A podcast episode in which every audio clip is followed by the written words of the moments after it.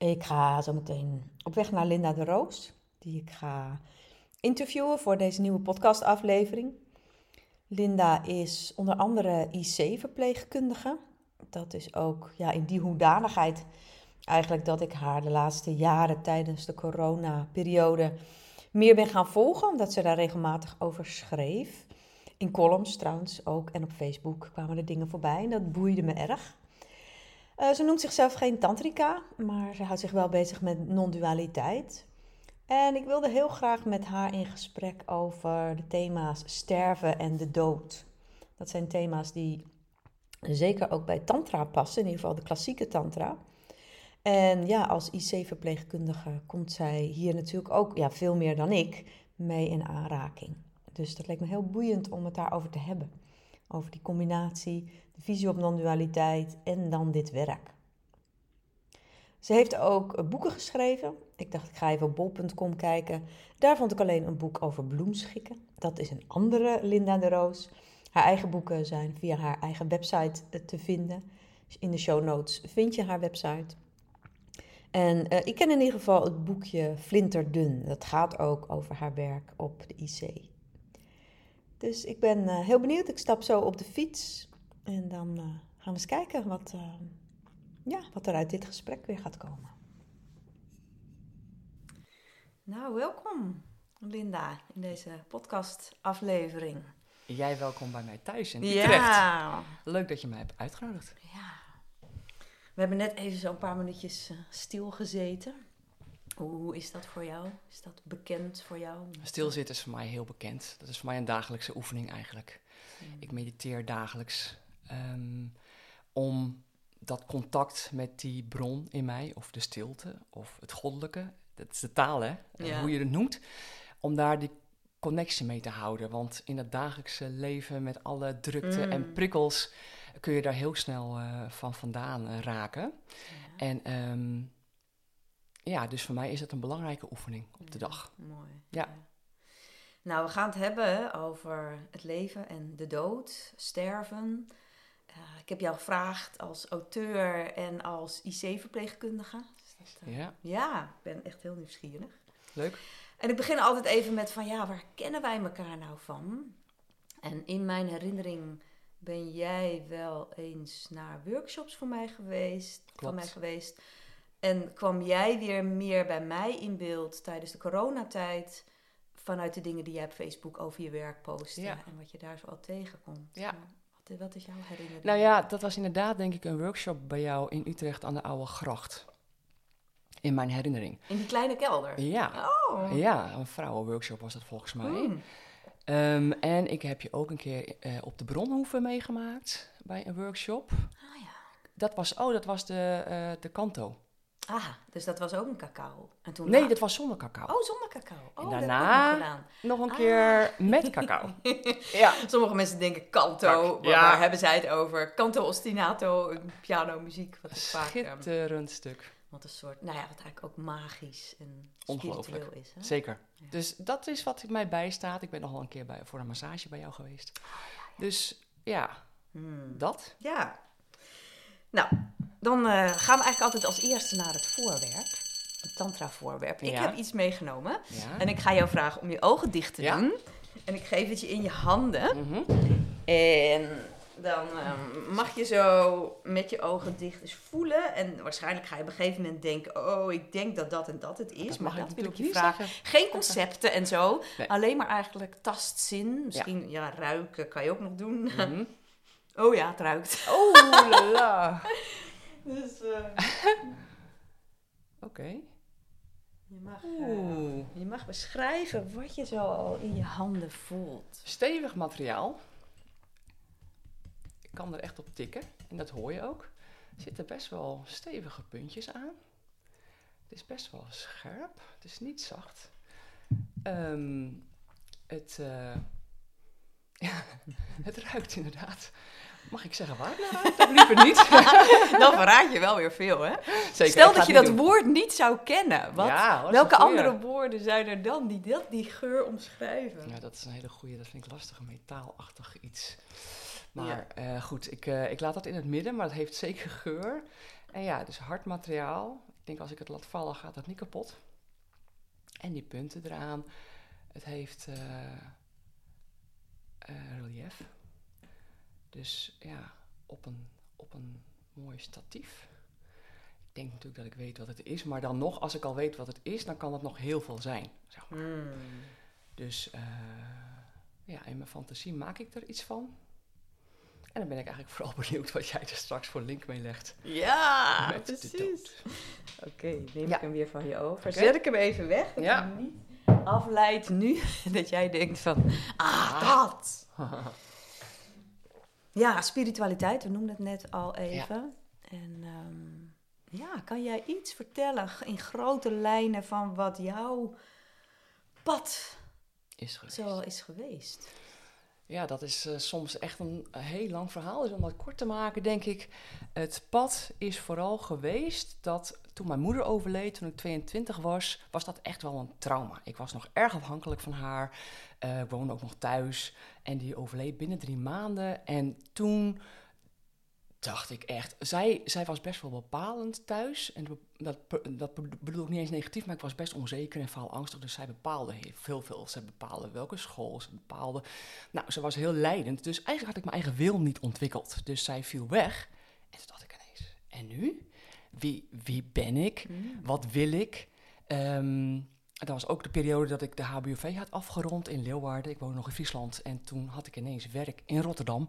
Want er was nergens anders werk. Dus ik kwam eigenlijk als onzeker Fries meisje, best bleu nog, eh, in die grote stad Rotterdam terecht. En, en ja, toen ik denk een zoektocht of een spirituele zoektocht ontstaat op het moment dat de mate van angst en onveiligheid best wel groot is. Er is een soort van een hang naar hou vast, omdat je een soort van zwemt in een te diepe zee of zoiets. Zo heb ik dat in ieder geval ervaren. En ik, ja, ik ehm, ben toen allerlei workshops gaan doen om ja, erachter te komen wie ik was, wat ik wilde. Ehm, waar ik oh, als kind eh, opgevoed ben in een christelijk milieu, waarin God en Jezus een soort van als houvast voelde. Ook toen nog. Het was toch een soort van bedding die ik had. Die ik ook zie hangen. toch? Zeker, ja, ik ben echt wel fan van Jezus. Ja. En dat was toch een soort van houvast, omdat ik best wel een hele afwezige vader heb gehad. Dus Jezus was voor mij altijd wel een soort van Oh. vaderfiguur waar ik altijd toch wel een soort van door werd gerustgesteld. Door de verhalen of door, nou ja, wat dan ook. Dus die nam ik wel mee naar Rotterdam. Maar er, ik liep ook al heel snel tegen de dogma's aan en de regels en de oordelen. En dat ik heel vaak dacht, ja, religie en kerk, het is wel mensenwerk. Hè, de kerk is gebouwd door mensen, wat er uitgedragen wordt, wordt door mensen gedaan. De Bijbel is geschreven door mensen. In hoeverre is God hier echt bij betrokken? En dat was denk ik zo de, de overgang naar de spirituele zoektocht. Ehm, dat zat heel erg in het spirituele, dus eh, aura, reading en healing, reiki. eh, echt ook een beetje het paranormaal, zeg maar. Ik ging helemaal los. Dat wat vroeger eigenlijk een soort van niet hoorde. Ik was ontzettend nieuwsgierig altijd. En die nieuwsgierigheid werd altijd van afgesneden, want het hoorde niet. En nu dacht ik, nu is het mijn beurt. Dus ik heb alles erin gedaan. De meest bizarre workshops, workshops soms. Dat je echt denkt, wat ben je allemaal aan het doen? En, ehm, maar daar voelde ik op een gegeven moment dat het vooral mijn spirituele ego eh, voedde. Dus ik werd natuurlijk heel bijzonder, ook heel speciaal. Hè? En eh, ik ontdekte ook wel dat ik eh, hoogsensitief was. Dus daar ging ik veel over lezen. Dat ik nou ja, veel dingen aanvoelde. En zeker die aura-reading en eh, healing-opleidingen, die sterkte vooral de intuïtie eigenlijk. En, en dat ik veel dingen aanvoelde. Maar dat werd ook, vond ik, daarin best wel speciaal gemaakt. En dan blijf ik toch weer een nuchtere Fries.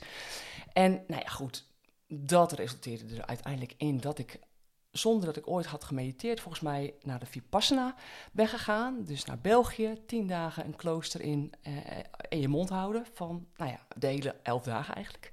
Niet praten. En ja, dat was toch weer de nieuwsgierigheid. En toen ik er één keer zat, dacht ik echt, oh fuck, wat doe ik hier nou toch eigenlijk? En, maar dat was voor mij wel ehm, life-changing uiteindelijk. Want ja, van s ochtends vier tot s avonds negen zit je te mediteren met ook lessen en zo. Maar je had geen oogcontact, je praatte niet. Je zat totaal met je eigen leefwereld. En ja, daar ging ik gewoon heel erg zien dat alles hier in mijn hoofd verschijnt. Het komt en het gaat. Ik had pijn en het was weer weg. Ik had honger, kreeg veel te weinig eten naar mijn idee. En het ging weer weg. En alles kwam en ging. En ehm, toen dacht ik van ja, hoeveel waarheid heeft het dan hè, als alles komt en gaat? En Mm.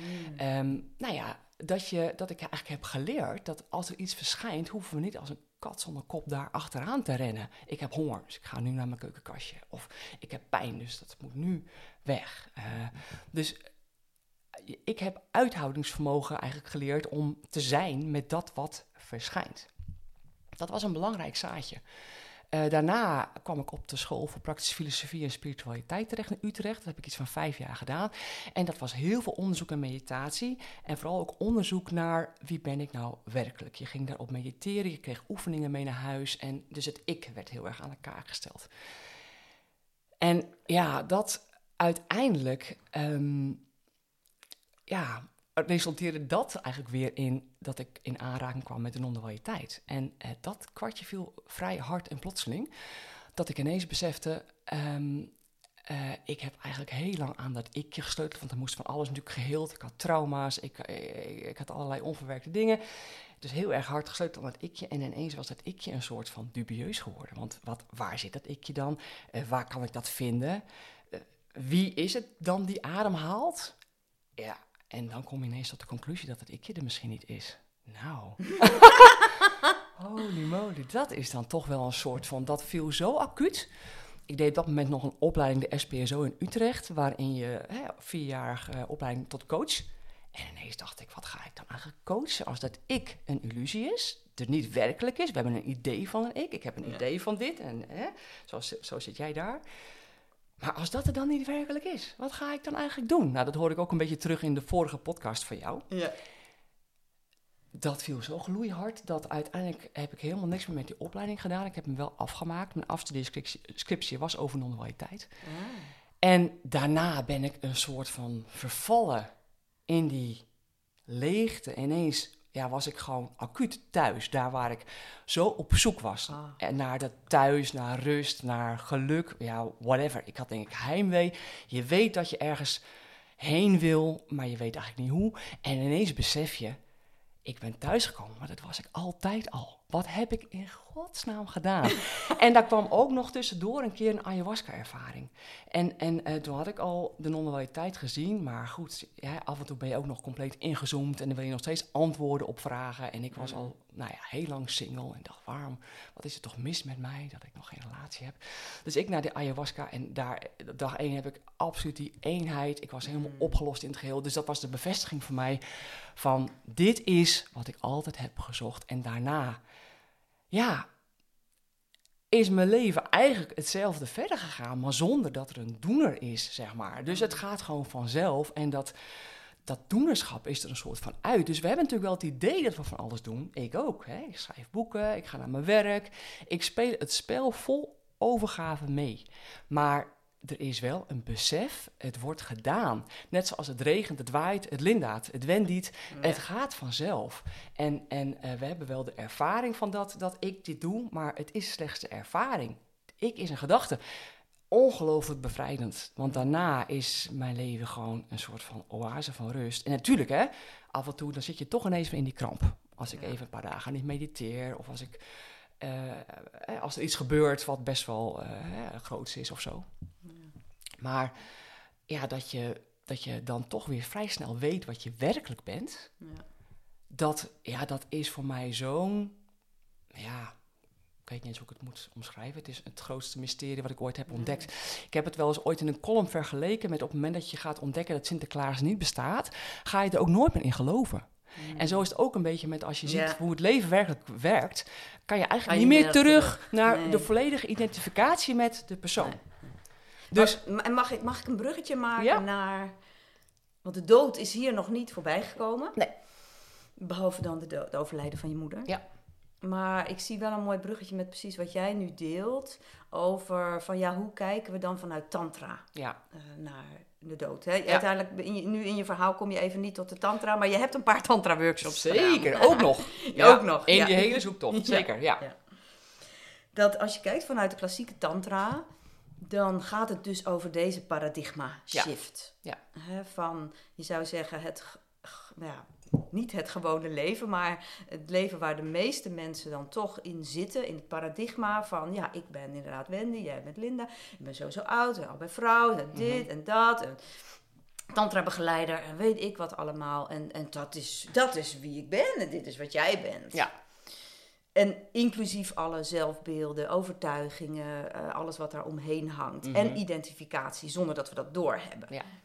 En dan komt inderdaad vanuit de non-duale tantra... kan er dan dat, die shift komen van... ho, wacht, Ja. weet je, dit is wel een rol die ik kan spelen... Ja. Uh, maar dit is niet wat ik werkelijk ben. Ja. En als ik dan de link doortrek naar de visie over leven en dood, Mhm. dan, dan merk ik, en dat is ook mijn ervaring met van hoe ik voorheen in het leven stond, Mhm. ja, dan is het leven, daar heb je grote gehechtheid aan. Zeker. Dit is wat er nu is, hier moet het gedaan worden. En de dood moet eigenlijk, ja, is, is niet fijn, moet vermeden worden, moet uitgesteld, worden. Ja. Voor mij was er dan in mijn opvoeding geen religie van hemel en hel, maar een heleboel mensen hebben dat natuurlijk ook nog eens bij zich. Zeker. Dus een enorm verschil tussen het leven van waar het moet gebeuren en dan dat afschuwelijke, dat daar afscheid van genomen moet worden Ja. en de dood. Ja. En dan vanuit die non-dualiteit, ja, dat wat we werkelijk zijn, Mhm. bewustzijn, liefde, energie. Hoe je het noemt. ja. In le- daar is de dood maar een, een andere vorm. Dus dat wat Klopt. er nu is, is er dan ook. Absoluut. En dat maakt ook dat voor mij daar ook een shift is gekomen de afgelopen jaren.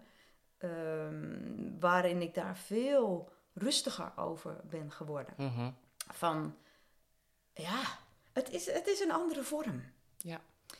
Daarbij komt dan ook nog dat eh, de non-duale Shaiva Tantra, zoals ik die zeg maar dan Mhm. uitdraag, die heeft zijn bronnen in het Hindoeïsme. Maar zowel in het Hindoeïsme als het Boeddhisme is er natuurlijk het geloof van de reïncarnatie. Ja.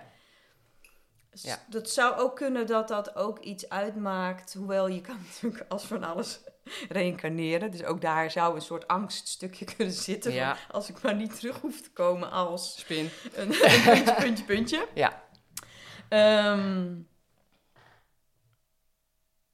even denken, waar, waar was ik? Nou ja, de link naar de dood. De link naar de dood. Eh, Van in ieder geval, oh nou ja, de, de reïncarnatie. Ja, de. Ja. Van, van oké, eh, ik, ik moet wel zeggen, mijn leraar die zei van ja, je moet wel bedenken, toen de tantrika's volop leefden, dat was zo ongeveer ook onze middeleeuwen. Mhm. Het leven was echt niet altijd makkelijk. Nee. Dus men had ook echt wel het streven, die tantrika's, van als het mij lukt om in dit leven volledig te ontwaken, Mhm. bevrijd te worden, kortom verlicht te worden, Mhm. dan hoef ik niet terug. Mhm. Ja. En ik moet Kan. zeggen, in deze tijd van alles wat er gaande is, en zeker ook klimaatverandering, dat ik ook wel zoiets heb van, ik zet eigenlijk alles op alles. Ik ga echt diep in mijn spirituele proces, Oh ja. want ik hoef niet per se terug te komen op deze wereld. Dat vind ik eigenlijk een grappig ding. Nou ja, Dat ik dat dan is bij zeker. Ja, mezelf- ja, ja. Ik heb dat vroeger ook, want ik heb ook in boeddhisme inderdaad eh, workshops in Nepal en eh, in kloosters gezeten. Dus ik weet wat ze daar denken, maar het gaf mij vooral veel angst. Ehm, of angst, maar eh, vooral ook van ja, het zijn allemaal verhalen, weet je wel? De hemel en de Mm. hel, terugkomen. Ik geloof vooral in nu. Voor mij is, weet je, ehm, angst is eigenlijk denken in tijd. En denken in tijd geeft gewoon per definitie angst. Dus, dus ik denk daar echt niet over na. Of ik denk er niet over na. Voor mij zijn die verhalen slechts verhalen, laat ik het zo zeggen. Ik zie het altijd als, hè, het leven nu zie ik als, ik ben een golfje in die oceaan. Jij bent een golfje, alles is een golfje. Maar uiteindelijk zijn we allemaal het identieke water. En als ik overlijd, ben ik gewoon weer die oceaan. Mm. En, en eh, ik geloof niet dat ik terugkom kom zoals wij de fysieke wereld hier ervaren. Want dat is inherent aan onze persoonlijke, relatieve werkelijkheid, die niet waar is. Mm. Dus dat zit er bij mij sowieso niet. En, ehm, maar ik denk wel, die, die, die angst ook voor de dood. Of hè, op het moment dat jij nu zou weten, ik ga nu, nu ga je sterven, is er geen angst. Op het moment dat jij weet dat je morgen gaat sterven, ga je ineens een bak aan eh, onzekerheid. En weet je wel, dus eigenlijk de tijd maakt de verhalen, de tijd maakt Mm. angst, de tijd maakt. En als je puur uitgaat van nu, als ik nu sterf, Ja. niks aan de hand. Sterf ik morgen, heb ik daar natuurlijk ook last van. Mm. Dus, dus ja, voor mij is die tijd altijd een beetje het, de, de zure appel in het geheel. Want die geeft jou altijd iets van een vervelend gevoel. Er is maar, weet je wel, ja, er is maar weinig. Ehm, ja, nou ja, de tijd geeft ruimte voor angst, laat ik het zo zeggen. Ja. Omdat we onzeker zijn. We zijn natuurlijk ook kwetsbaar. ik, ik zeg wel eens van, uh, jij en ik weten beide niet of we er vanavond nog zijn. Zo is het gewoon. Hè? Want ik zie het op de IC gebeuren.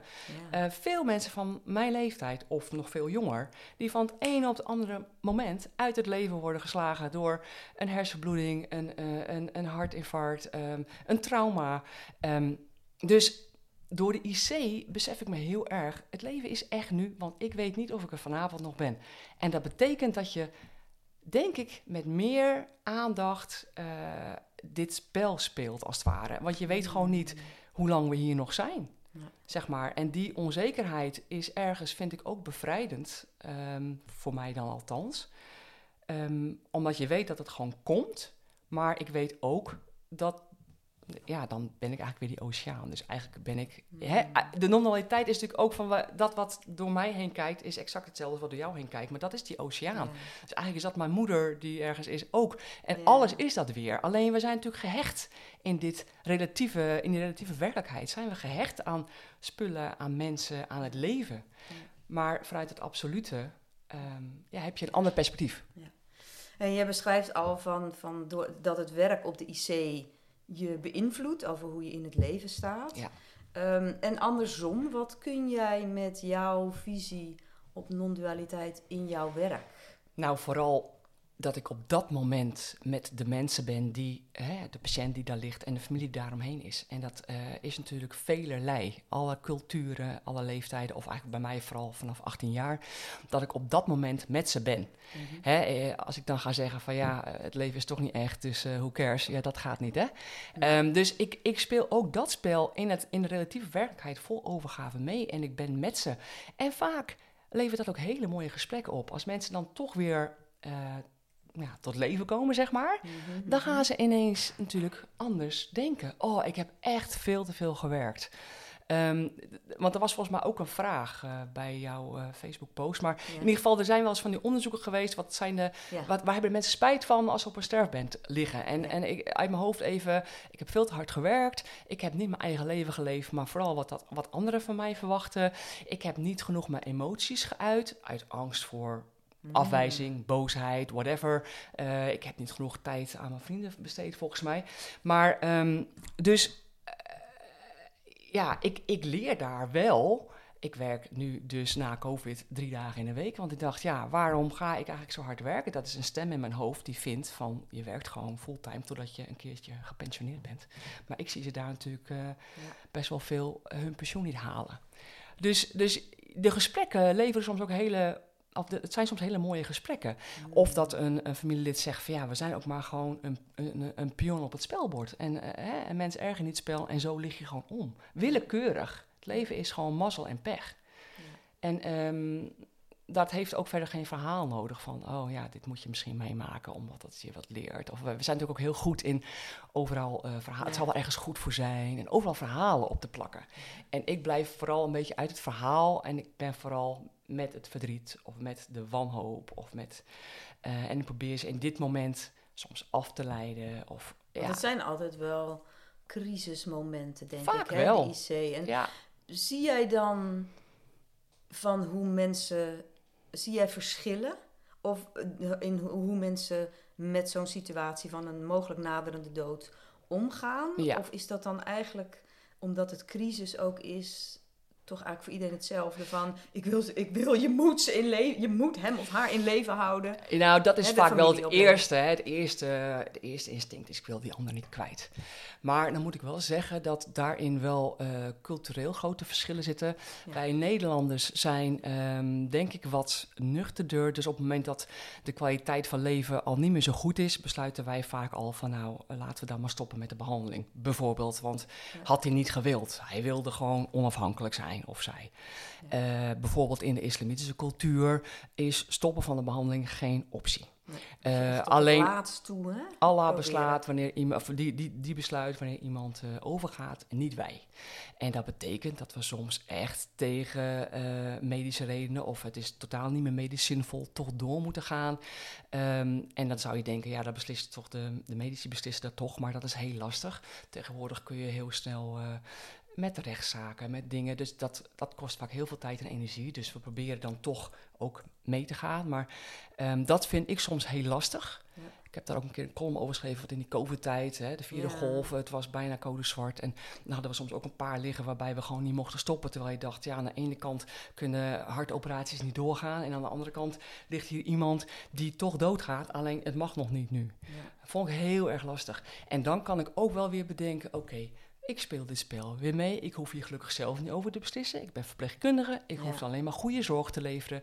En iedereen te zien in zijn of haar werkelijkheid. Want net zoals de non-dualiteit mijn werkelijkheid is, is dat voor hun een heel ander geloof of een, uh, een heel christelijk uh, gezin. Dan kan je ook eigenlijk niet stoppen. We hebben allemaal onze eigen werkelijkheid en uh, de waarheid weten we niet. Dus nee. het is allemaal een idee. We, zijn, mm. we hebben allemaal ideeën. En laat ik dan maar respect hebben voor het andere idee. Maar soms vind ik het lastig. Ja. ja. Maar dat is denk ik wel mijn taak daar. Hè. Ik, natuurlijk heb je... We zijn mensen hè, en je bevliegt je soms toch snel een oordeel van, van iets. Dat je denkt, uh, en denk, ja, dat is wel mijn oordeel. Dus uh, ja, soms zijn bepaalde casuïstieken dan dus heel lastig. Ja, ja. En, en als iemand overlijdt, heb jij dan nog langer met iemand te maken of neemt een ander soort verpleegkundige dan over? Nee, dat doen wij zelf. Dus uiteindelijk op het moment dat bijvoorbeeld de behandeling zinloos is en uh, we gaan iemand abstineren, hè, noemen we dat. Uh, ja. Dus het, uh, ja, de, de, de medische behandeling staken. Dan wordt de apparatuur uitgezet, de medicijnen worden uitgezet en er worden, wordt een slaapmiddel aangedaan, dormicum en een pijnstiller, mor morfine. En die combinatie zorgt ervoor dat iemand eigenlijk rustig en comfortabel overlijdt. Ja. En dat doen wij. Dus uh, ja, uh, samen met de arts natuurlijk, die voert het gesprek. Maar wij zijn daarna de uitvoerders daarvan en hebben ook natuurlijk de begeleiding van de familie daarbij. Ja. En, ja. en zit daar nog ergens in dat moment van sterven en overgaan, zit daar voor jou nog iets? Of is dat gewoon toch een soort praktische handeling die je doet? Of komt daar je spiritualiteit en je visie nog ergens terug? Um, ja, dat is een goede vraag. Ik denk in die tijd dat ik al die uh, nogal spirituele opleidingen deed, dan hoorde ik natuurlijk ook dat je de ziel zag verdwijnen. En ik heb daar natuurlijk wel eens heel bewust zo naar gekeken. En toen dacht ik van ja, ik zie gewoon het, het aardse leven gewoon uit iemand trekken. En um, um, nu is dat natuurlijk gekleurd door mijn visie nu. Mm. Dus ik denk alleen maar, ja, de illusie persoon is opgeheven. Hij is weer de oceaan. En um, dus dat is het enige wat ik daar dan eigenlijk ja. bij denk. Maar ik, ik speel natuurlijk vooral in op hoe de familie het ervaart. Want die kan bijvoorbeeld zeggen, ja, ja nou ontmoet hij weer uh, andere familieleden. Is hij daar ja. weer bij? Nou ja, hartstikke Heb je wel mooi. Is iemand? En nee, niet. Dat je het wist. Dat, ja, nee, nee, dat heb ik nog Want niet Want het is natuurlijk wel, hè, binnen het boeddhisme zijn natuurlijk wel allerlei rituelen hè, rondom dat sterven ja. en erbij zitten en alleen maar positief praten. En, Klopt. Ja, in, in tantra zeg maar, is er ook een bepaalde mantra die, mm -hmm. die de angst voor de dood wegneemt. Ja. Uh, die je dan bijvoorbeeld kunt reciteren. Ja. Dus, maar ik kan me voorstellen dat dat nou, voor mij zeer is, zeldzaam is. Ja, dat is best wel zeldzaam. Heel af en toe willen ze met een gezicht naar Mekka op het moment dat Ah, het ja. uh, islamiet is.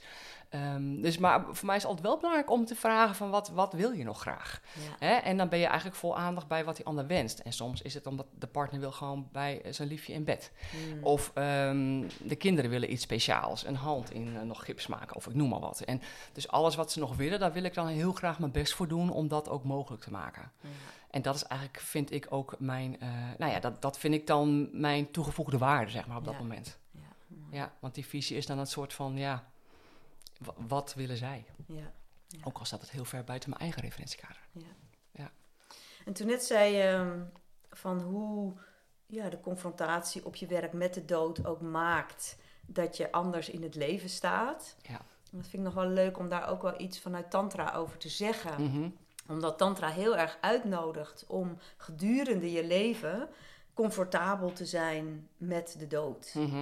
Dus in een van mijn trainingen doen we ook een sterfritueel. Oh ja. Hè, waarbij je je voorstelt dat je alles gaat loslaten. Ja. Ehm, we, we spelen daarna ook dan met de bardo. De bardo is de term voor, als je in reïncarnatie gelooft, tussen het sterven en het weer geboren worden. Maar dat is een soort magische, lege ruimte Mhm. die heel krachtig is. Dus daar doen we dingen mee. Ja. Maar ook wel, ehm, hè, er is één meditatie, dan stel je voor dat er een vuur brandt van je Mhm. tenen helemaal zo door je hele lichaam. Mhm. Waarbij je voorstelt dat je al je lichaamsbeelden loslaat. Dus ook Mhm. het, zeg maar, het loslaten van gehechtheden, Mhm. dat zit eigenlijk in, in heel veel tantra dingen. Ja. Om, om ja, jezelf ook nou ja, te oefenen in loslaten. eh, Zodat wellicht het uiteindelijke sterven van het fysieke lichaam mogelijk zo, Mhm. zo makkelijk mogelijk gaat. Ik denk wel dat dat ook een verlangen is, denk ik, van iedereen. Van als ik dan sterf, Maar ja, laat het... Wendy, eigenlijk sterven we iedere nacht. Je Ja. verdwijnt compleet. Dus we, oefenen het iedere slaap. nacht in je diepe Ja. slaap. Dan ben je eigenlijk al thuis. En op het moment dat je wakker wordt, begint weer de droom waar we in zitten. Dus, ja. dus ja, eigenlijk doen we het nogmaals iedere dag, eh, iedere dag en we worden iedere dag opnieuw geboren. ja. Dus die oefening, Die is er altijd. die is er altijd. Alleen wij hebben blijkbaar nog veel meer verheven ideeën over de dood. Ja. En dat is denk ik, het blijft een groot mysterie. En tegelijkertijd is het eigenlijk zo de eenvoud van wat je ten diepste bent. En dat ben je in je diepste slaap. Dan Ja. ben je gewoon het geheel. Ja. Is er geen idee meer over van alles. En, eh, dus, dus ja, voor mij is eh, sterven de, de- ieder, wat er iedere, nacht Iedere gebeurt. dag, ja. Ja. Ja, mooi, Ja. mooi. Nee, in de coronatijd noemde je even. Ja. Dat was natuurlijk zeer intens. En kan het ook zo weer worden? Ja. Voor mij was het wel, denk ik, voor het eerst dat ik wel dacht: zo, oké, nu komt het dichterbij. Ik ben zelf uiteindelijk niemand verloren Mhm. eh, aan corona. Het is niet heel dichtbij geweest, maar Mhm. in zijn algemeenheid was het natuurlijk, kwam de dood wel dichterbij dan Ja. wij normaal gesproken in ons land gewend zijn. Zeker.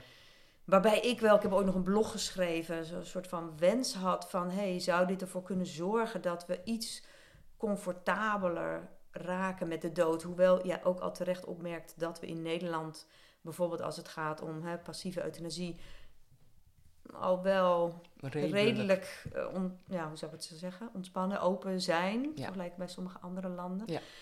Maar heb jij het gevoel dat dat, heeft het iets veranderd bij mensen? Van meer acceptatie van de dood? Goeie vraag. En ik denk eerlijk gezegd van niet. Ik dacht ook in die COVID-tijd, zeker de eerste golf, hè, iedereen was zo saamhorig en met elkaar en lief. En ik dacht, wauw, dit is mooi. Maar goed, dat is natuurlijk compleet verdwenen. De verdeeldheid is alleen maar groter geworden. En nu is die COVID eventjes voorbij. En ik hoorde pas op het nieuws dat er nog veel meer vluchten eigenlijk nu plaatsvinden dan daarvoor. Ja. Dus we zijn eigenlijk we zijn aan het inhalen wat we eigenlijk twee jaar hebben gemist. Dus we zijn eigenlijk alleen maar ehm, eh, ja, het meer, allemaal meer gaan doen, zeg maar. Ehm, en, en wat die dood betreft, ja, ik, ik denk niet dat dat heel erg veel heeft veranderd. Als wel dat ik sowieso vind, en dat weet je ook dat ik daar zo over denk, dat de medische techniek zoveel mogelijk maakt. Kijk, in de eerste golf wisten we niet precies hoe COVID werkte, want het was nieuw. Dus er zijn best wel wat meer mensen aan overleden. Nu weten we hoe COVID werkt, dus hoef je er ook niet meer gelijk aan te sterven. Dat weten mensen ook. Maar wij zijn zo kundig eigenlijk. En die medische techniek die, die schrijdt zo snel voort. Dat ik dat soms beangstigend vind. Omdat ik denk, waar stopt het dan? En Ja. eh, wanneer gaan we inderdaad weer leren rouwen? In plaats van dat we rekken. En dat heeft natuurlijk alleen maar... Rouwen in plaats van rekken. Ja. Oh jee, wauw. Ja, dat Mooie uitspraak. Ja, want we rekken het liefst. En omdat we denken dat dit maar het enige is wat we hebben, hè, vanuit de relatieve werkelijkheid, is, snap ik het ook nog. Wil je alles eruit halen? Hè? En vanuit het absolute eh, boeit het niet of je 80 wordt of 4 of wat ook. Hè? Want ja, je bent gewoon onderdeel van, van die ene beweging. Eh, dus dus ik, ik denk het eerlijk gezegd niet. Eh, misschien is er wat meer nadruk gekomen op gezonde levensstijl. Want dat is natuurlijk ook wel benadrukt. Hè? Het bewegen, het gezond eten, eh, dat Maar ja, soort dan dingen. worden we alleen maar ouder. Dan worden we alleen maar ouder, Het precies. is in feite eigenlijk, en ik bedoel, ik vind het mooi en ik wil graag ook gezond zijn. Ja. eh, maar in feite is het wel weer rekken. Dat is ook eigenlijk weer wel rekken. gezond rekken dan. Maar goed, als je natuurlijk al een ongezonde levensstijl hebt, heb je meer kans op heel veel zorg en kosten. En, Dat is weer ehm, ja, dus ik denk daarin ja, zou mee kunnen spelen. Maar ehm, ja, we mogen eigenlijk gewoon weer gaan accepteren, inderdaad, wat jij ook zegt, dat de dood gewoon bij het leven hoort. En, ehm, maar goed, zolang je niet kennis hebt gehad of in aanraking bent gekomen met het absolute, ehm, ben je enorm gehecht aan dit leven hier op aarde. En, en dan vind ik, ik werk hier in het academisch ziekenhuis in Utrecht. En een academisch ziekenhuis betekent per definitie dat er veel meer mogelijk is en dat je van alles in een patiënt kan stoppen eh, om het leven maar uh, door te laten gaan. En daar heb ik soms wel uh, ja. moeite mee, omdat ik denk van ja, hey, je kan als, ik noem maar wat, een 90-jarige nog een nieuwe hartklep krijgen. En dat is, dan wordt dan gezegd, ja, maar was toch een hartstikke kwiek. En dat snap ja. ik ergens wel, maar waar ligt dan de grens? En, uh, oh, ja. Dat zou voor mij ook echt, want ik heb wel eens gedacht, door toen corona kwam en ik zag jou dit werk doen, oh, toen dacht ik, oh fuck, ik met mijn tantra dingen, ja, ook belangrijk. Hè? Want mensen raken, raken in contact met non-dualiteit. Ja, maar toch. Als het even voelde als wat is nou een essentieel beroep, mm -hmm. dan stond jouw beroep toch hoger dan de mijne. Ah, ja. Maar tegelijk, en toen dacht ik, oh weet je, zou ik die kant op moeten gaan. Maar wat jij noemt zou voor mij wel echt ook moeilijk zijn. Ja. Van, van, weet je, een, een, aantal eeuwen geleden werden we 40. Ja. Ja, als, je dat, als ik had geweten aan het begin dat ik 40 zou worden, ja, geen probleem hoor. Dan halen we alles uit 40. Dus het hoeft voor mij echt geen 90 uh, Maar daarom hebben we dan ook vaak een midlife crisis op die leeftijd. Want we krijgen er nog een tweede stuk bij. Oh, en dan ja. denken we ineens, wat moeten we nu met alles? Dat ja, is dat is gewoon de stress die we dan krijgen, weet je wel. Ja. Want ja, we werden vroeger niet veel ouder. En, en, je hebt dan ook de belangrijkste dingen gedaan. Je hebt je voortgeplant. Nou ja, ik in mijn geval niet, maar de meeste mensen. Ja. En dus je hebt eigenlijk je taak gewoon volbracht. Als je even evolutionair denkt. Dus ja. Ah, ja. Hey, zullen we eens naar nog wat vragen gaan? Ja. We hebben er stiekem tussendoor al wel um, Wat dingen behandeld, hè? wat dingen genoemd. Even, ik noem hem even en dan Ja. zeggen we eventjes van hebben we dit eh, aangeraakt of niet. Mhm. Wat is het verschil tussen mensen die doodgaan en een spirituele kijk hebben op het leven en de dood en mensen die dat niet hebben? Heb jij verschillen gezien en hebben die invloed gehad op hoe jij kijkt naar de dood?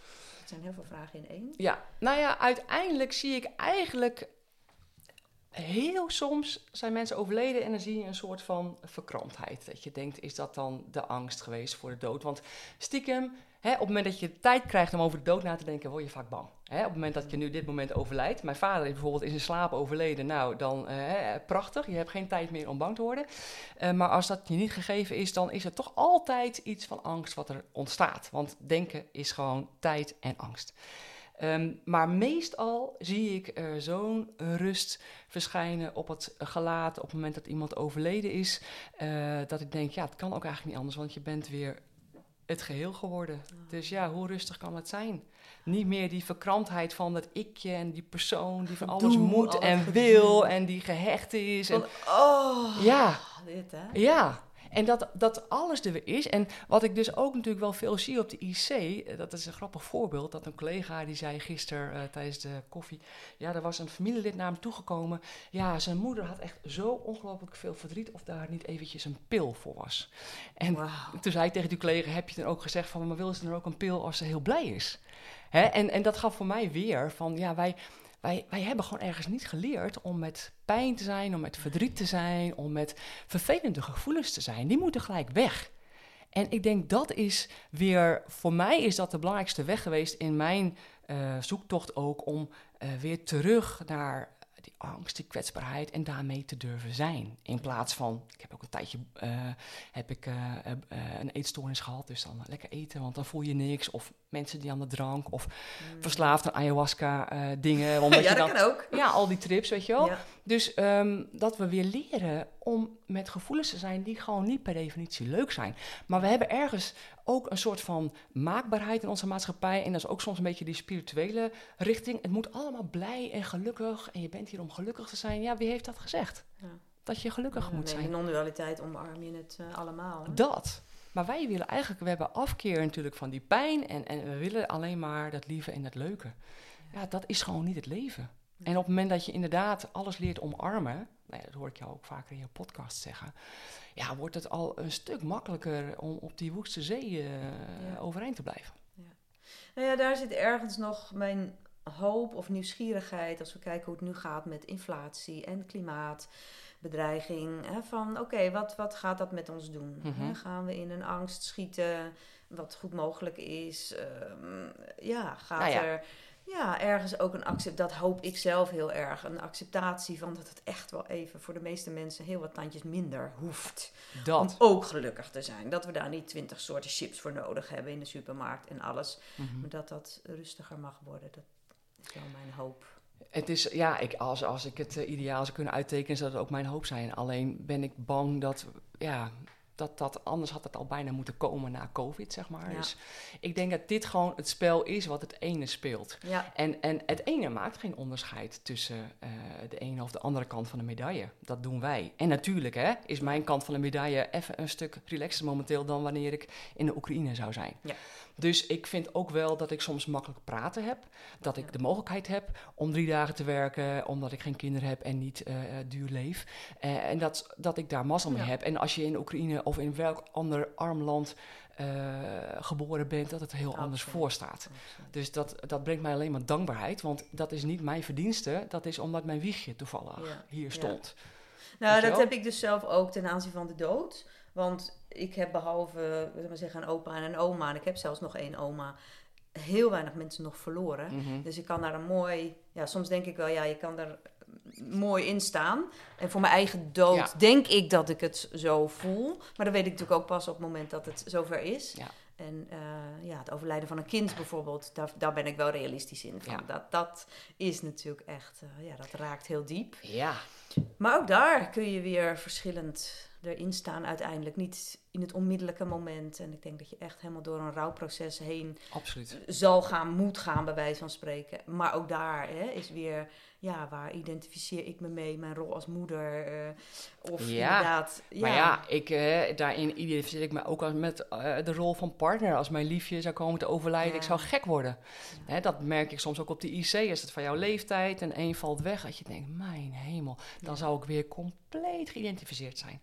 Alleen omdat je weet dat dat niet de werkelijkheid is, zou dat misschien een beetje kunnen helpen.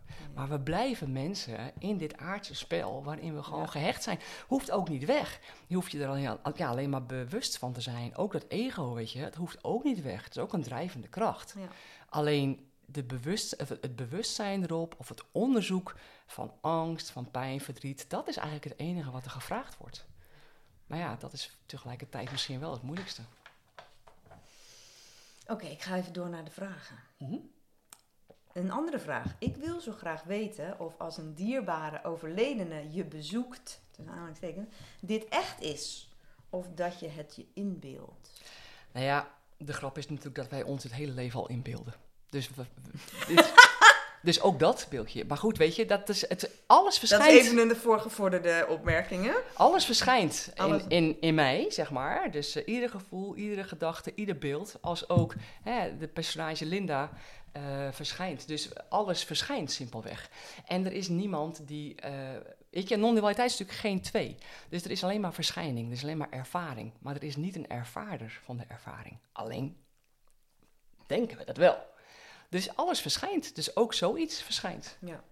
En dat is alleen maar, denk ik, mooi en waardevol. Maar ja, als je heel veel weer aan een verhaal gaat hechten, is het een nieuwe identificatie. Dus dat, dat raden we af, Ja. zou ik zeggen. Ja, maar, Maar tegelijkertijd, als je denkt aan die oceaan, dan is die overledene is ook zo'n golfje. En jij ook. Ja. En ja, dat kan dat die golfjes misschien eventjes... eh, ja, maar dan maak je natuurlijk het golfje persoonlijk. Maar uiteindelijk eh, Ja. is die persoonlijkheid een idee. En, en weet je, ik heb een vriendin die is heel erg into vlinders en engelen. En ehm, nou, dan heb ik soms heel veel vlinders in mijn tuin. En dan denk ik, oh ja, ik kan nu ook bedenken. Dit is mijn moeder, die komt langs. Dat geeft een heel fijn gevoel. Tegelijkertijd ja, is het gewoon een mooie vlinder. Dus is het verhaal nodig om het moment dan leuker te kleuren? Dat is eigenlijk vooral eh, het werk van het ego, die dat speciaal wil maken, weet je wel. En oh ja, dat is, oh, mijn Ja. moeder is er weer, oh leuk. Mijn vader is er nu ook bij. Ja. Ja, ik denk dat, dat in tantra je ook heel erg nodig je eigenlijk mensen ook constant uit om niet in die conceptenbeleving Ja. te zijn, maar in De ervaring. de ervaring. Ja. hè? Dus oké, je hebt misschien even het gevoel van die overleden persoon is Ja. hier en dan kan je, oh, da, da, da. Ja. je kan heel erg in je hoofd gaan, maar je kan ook, het gevoel wow, even. wat Ja. voel ik, oh, ik voel een enorme vibratie in het borstgebied en daarmee zijn. Ja, Het verschijnt in dit moment. ja. Prachtig. Ja. Ja. Mooi.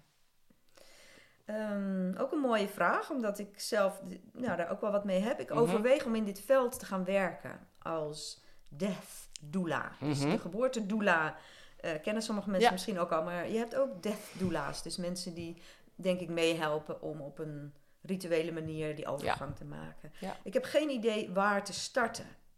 Heb jij daar een advies over? Je schreef al een antwoord volgens mij. Nou, het eerste wat in mij op zou komen zou... eh, zou nee, volgens mij zag ik een reactie van een ander. Maar dat Oh, was ook mijn idee van... Ja, ga naar een hospice. Hè, daar hebben ze gewoon heel veel vrijwilligers nodig. En dat is voor heel veel mensen een opstap om vervolgens... Nou ja, daar misschien te werken. Of maar sowieso... eh, Kom je daar het meest mee in aanraking? Ja. Of wordt die verpleegkundige. maar dan wordt het natuurlijk net op een andere manier... eh, ga je met de dood, denk ik, in het einde om. Want het is vaak vrij acuut. Of hè, in een hospice Ja, en ga je- nog proberen te voorkomen? ja, dus ik denk dat een hospice de meest toegankelijke manier is om daar te komen en eh, dat te doen. Nou, en een laatste vraag. Als we dan, dat sluit wel hierbij aan, van als we dan met een stervend iemand zijn, ehm, ja, hoe, wat kunnen we daarin doen? Daar komt nog een vervolgvraag, maar ehm, Het is grappig dat we altijd willen doen, hè? we willen doen, ja, Ja, we willen gewoon gelijk doen. lekker zijn, aanwezig zijn. Aanwezig zijn. Zijn met die ander, waar die ander is en daarop inhaken. En ja, dat doen, dat zit gewoon zo diep in ons. We willen voor alles doen om de pijn te verlichten of om verdriet weg te nemen. Of, en ja, dan heb je het weer over het doenerschap. Boeddha die zei altijd heel mooi van, de, de eh, handeling wordt gedaan, maar er is niemand die het doet. Ja. Dus wees gewoon, ben gewoon, zeg maar. En, en ook dat gaat vanzelf, hè. En nou voel je vanzelf wat er gebeurt. Dus Ja. wat je doet. Ja. Alleen jij doet het niet, maar het gebeurt vanzelf. Ja. Dus wees, wees aanwezig. Ja. Ja, ik denk dat, dat dat het mooiste cadeau is wat je überhaupt een ander kan geven. Ja. Want als je het doet, dan vul je in dat die ander wil dat jij iets misschien doet. Of, weet je, eh, maar als je gewoon echt afstemt, Ja. dan ontstaat het vanzelf. Ja, en, en ik zou zeggen, zijn met je eigen emotie. Ook. Even te voelen van. Ja, tegelijkertijd hoorde ik laatst vanuit een, een, een, eh, opname vanuit boeddhisme. Van dat werd aangeraden om alleen positief te spreken. Dus ik Mhm. zit me wel te, te bedenken van je zit daar naast eh, je ouder. Waar je misschien toch ook nog boosheid naar voelt. Dan Mhm. zit ik me af te vragen van hé, hey, ja. Ja, wil zou je daar dan nog wat mee, daar op die plek? Of Mhm. zou je dat beter elders een plek kunnen geven? En dat je hier toch vooral richting vergeving of liefde kunt gaan. Ja, ik, ik geloof zelf niet zozeer dat, dat het alleen maar die positiviteit, omdat het dan een gevolg zou hebben voor daarna. Want daarna is voor mij Is puur gewoon- een idee en verhaal. Het is puur dit Ja. moment. En ik denk dat je in dit moment gewoon wel heel erg voelt wat, wat klopt. Wat jouw e- eigen ego is, wat jouw eigen pijn is, of wat van de ander is. En ik denk, daar begint het dan mee. Wat is voor mij, wat is van die ander? En ehm, ja, als het voor jou echt belangrijk is om nog iets te zeggen. Kijk, ook al is het frustratie, is het nog steeds hoe je het brengt. Ja, Als je het bij jezelf houdt, weet je, die wijzende vinger naar de ander, dat is altijd een beetje de valkuil, vind ik. Want alles speelt zich gewoon in mij af. Dat wilde ik overigens nog zeggen over die tantra. Want waarom ik dat toen ben gaan doen, is dat ik in die tantra ben gaan ervaren dat alles wat ik in contact met die ander ervaar, is alleen maar in mij. Mm. Het is nooit gekoppeld aan die ander. ja. Dus op het moment dat je het dicht bij jezelf houdt en vanuit jezelf spreekt wat het met jou heeft gedaan, of, of, of- dan kan er iets heel moois ontstaan. Maar ga je dat met een volle, laging, eh, volle ego-laag dumpen bij iemand die stervend is, ja, ja dat is misschien dat, net even too much. ja. Ja. Ik moet ineens trouwens denken dat ik vannacht een droom had Oh. over dit onderwerp. Oh, Heel boeiend. Ik voel altijd wel ergens een affiniteit met de islam. Mhm. En zeker het soefisme, dus de meer mys- mystieke vorm. mhm. En vannacht was ik een van de mensen die de wassing ging doen Oh. van een overledene. En ik was dus zelf volgens mij ook moslima. En de anderen waren ook allemaal moslims. En degene die overleed, ik weet niet meer of het een man of vrouw was, maar Mhm. die was heel oud. oké. Ik was zelf enorm geraakt. En de mensen om diegene heen waren heel blij. Oh ja. En dat kon ik dus niet plaatsen. Omdat mijn beeld was van, nou, wat ik ken van, van de islam is dat ja, de dood wel soort van heftig is. En dat er echt wel dan ja, veel pijn en verdriet dan is. Dus Mhm. Oh, wat grappig. bizar, hè? Ja, dat is wel bizar. Nou ja, de- de- wat ik vooral bij de islam eh, soms ook heel lastig vind, is dat iemand ook echt moet lijden. Dus dan zeggen wij van ja, maar wij vinden het ten eerste is het medicijnloos, maar uw vader of moeder lijdt ook heel erg. Ja, maar lijden is nodig. En dan vraag ik wel eens, ja, maar hoeveel dan? Hoe, hoe lang dan? Hè? Want ik vind het heel Ja. moeilijk om zorg te verlenen terwijl iemand zo, zo lijdt. Ja, nee, maar goed, om, je moet heel veel lijden om ergens bij die maagden uit te komen of zo. Ja, Dus, en, maar misschien als je één keer bij die maagden bent en je hebt geleden, is er misschien heel veel blijdschap. ja. Dat weet ik eigenlijk niet hoe dat. eh, natuurlijk, het is wel heel grappig hoe iedere cultuur natuurlijk sowieso anders naar de dood kijkt. Dus ook daarin ben je gewoon cultureel gekleurd. Nou ja, ik hoorde laatst een podcast over de reformatorische gemeenschap. Die zul je dan misschien niet vaak, Jawel. oh wel wel ook, ook krijgen. Holy. Heel echt heftig. We hebben één keer ook een mevrouw gehad uit Oh. die gemeenschap. En jonge vrouwen, nog jonge kinderen. En nou ja, heel lang op de IC, maar uiteindelijk overleed ze. En toen kwam de pastoor binnen. Die kinderen, jonge kinderen waren er ook. Ja, mevrouw, toen zei een collega van mij, goh, nou fijn dat het lijden nu eh, klaar is. En toen zei die pastoor, maar het echte lijden gaat nog komen. Ja. Nou, dan denk je echt van, Oh. oh, daar word je gewoon beroerd van. Ja. Dat vond ik Ja, zo heftig. ja. ja. heel heftig. En dan moet je dan ook nog maar met je goede gedrag, eh, dat je denkt, wow. Ja. Wow, wat, wat een angstcultuur. Wat eh, hel en verdoemenis. Wat, Ja. wat veroorzaakt dat veel, veel leed al in dit aardse leven eigenlijk. Want je houdt En voor bizar hen- veel en- angst. En voor hen is het de waarheid. Ja, voor hen is het de waarheid. Precies. Ja. Heel heftig. Ja. De- Een vraag die daarbij aansloot. Vanaf wanneer weet je dat iemand gaat sterven? Want er, er komt iets achteraan, maar ik kan het niet helemaal plaatsen. Bij een mens met vele aandoeningen kan het plotseling redelijk snel over zijn als ze Mhm. een virus krijgen, een beenbreek of een shock krijgen. Dus neem je eigenlijk al lang afscheid? Met een vraagteken. ja, dat is wel interessant hè.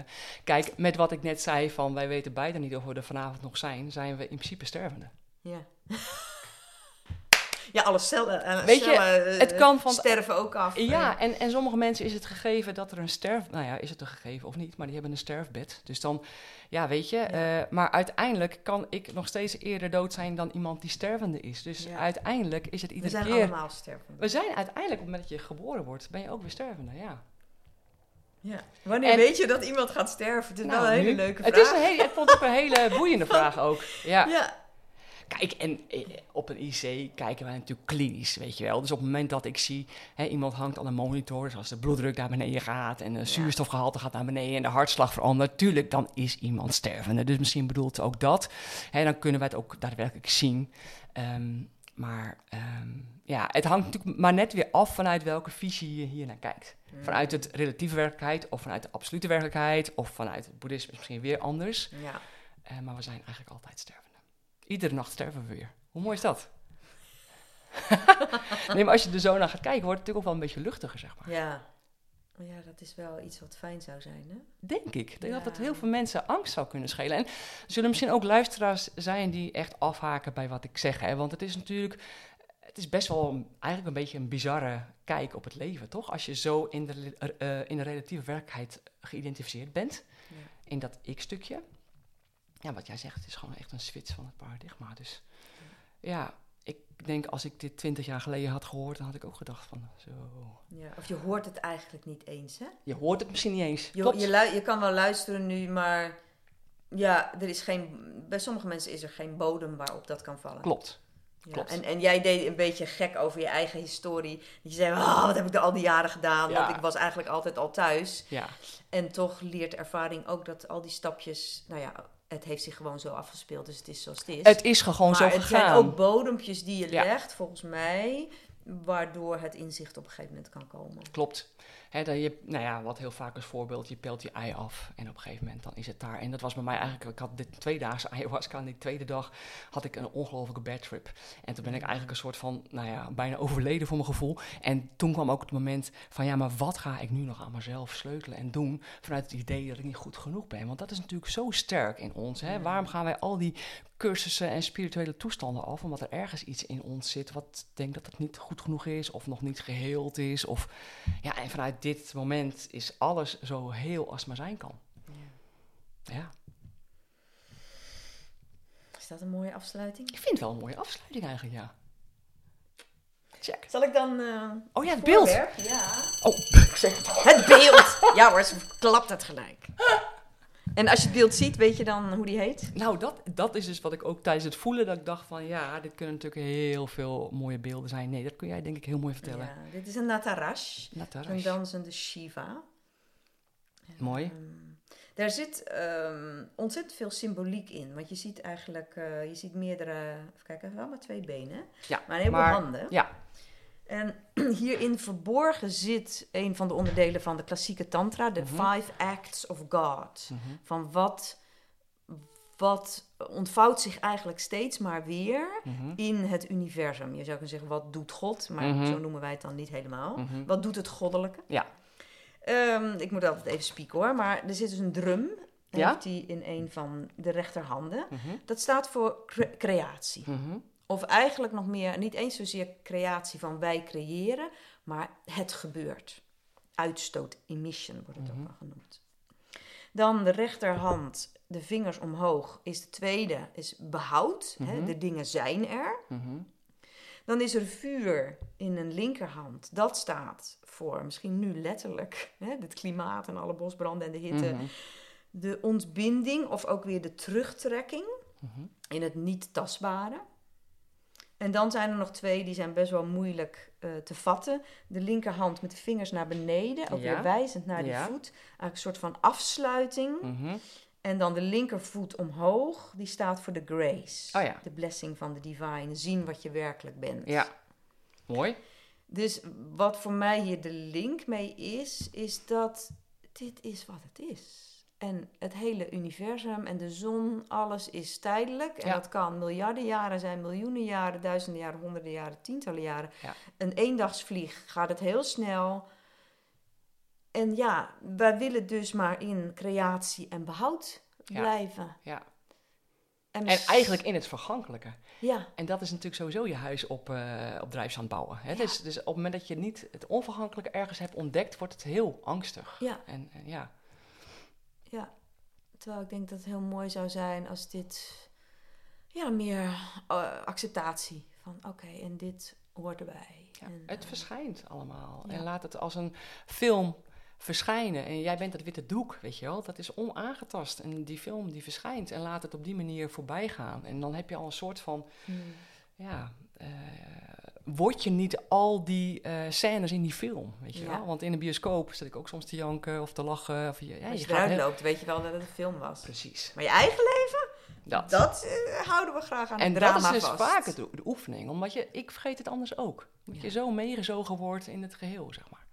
Nou of in dat, het is, aardse leven. dat is ook het belang van een practice. Ja. Weet je, mensen kunnen denken, ja, waarom zou je nou iedere dag mediteren? En je, je kan het ook doen om, om stress tegen te gaan, om Het is te heel veel dingen goed, zeker. Maar remembrance, hè, de herinnering. Ja. Van, oh ja, ik, ik doe het vaak, zeg maar, ik heb een aantal stapjes in mijn practice, maar dan het laatste deel is mezelf eigenlijk alleen als ruimte, als Ja. spaciousness, als de void ervaren. Ja.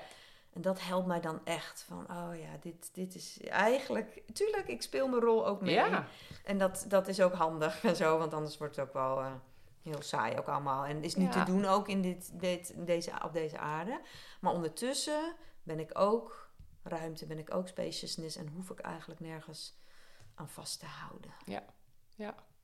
Nou ja, en het helpt ook soms, vind ik wel, in die tijd dan, eh, om te kijken naar bijvoorbeeld een, een Poetin. Vanuit het relatieve vind ik het de grootste asshole die er bestaat, bij wijze van. Mhm. Maar vanuit het absolute kan ik ook weer bedenken dat exact hetzelfde wat door mij naar buiten kijkt, kijkt ook door hem naar buiten. Dat is toch bizar, want we identificeren ons liever met de mooie, lieve mensen. En Ja, niet met een Hitler of een bewijzen van. Maar als je dat beseft, ehm, ja, dan ontstaat er wel iets anders, zeg maar. Hij wordt ook bewogen, zoals die wordt Ja. bewogen. Net als ik en jij.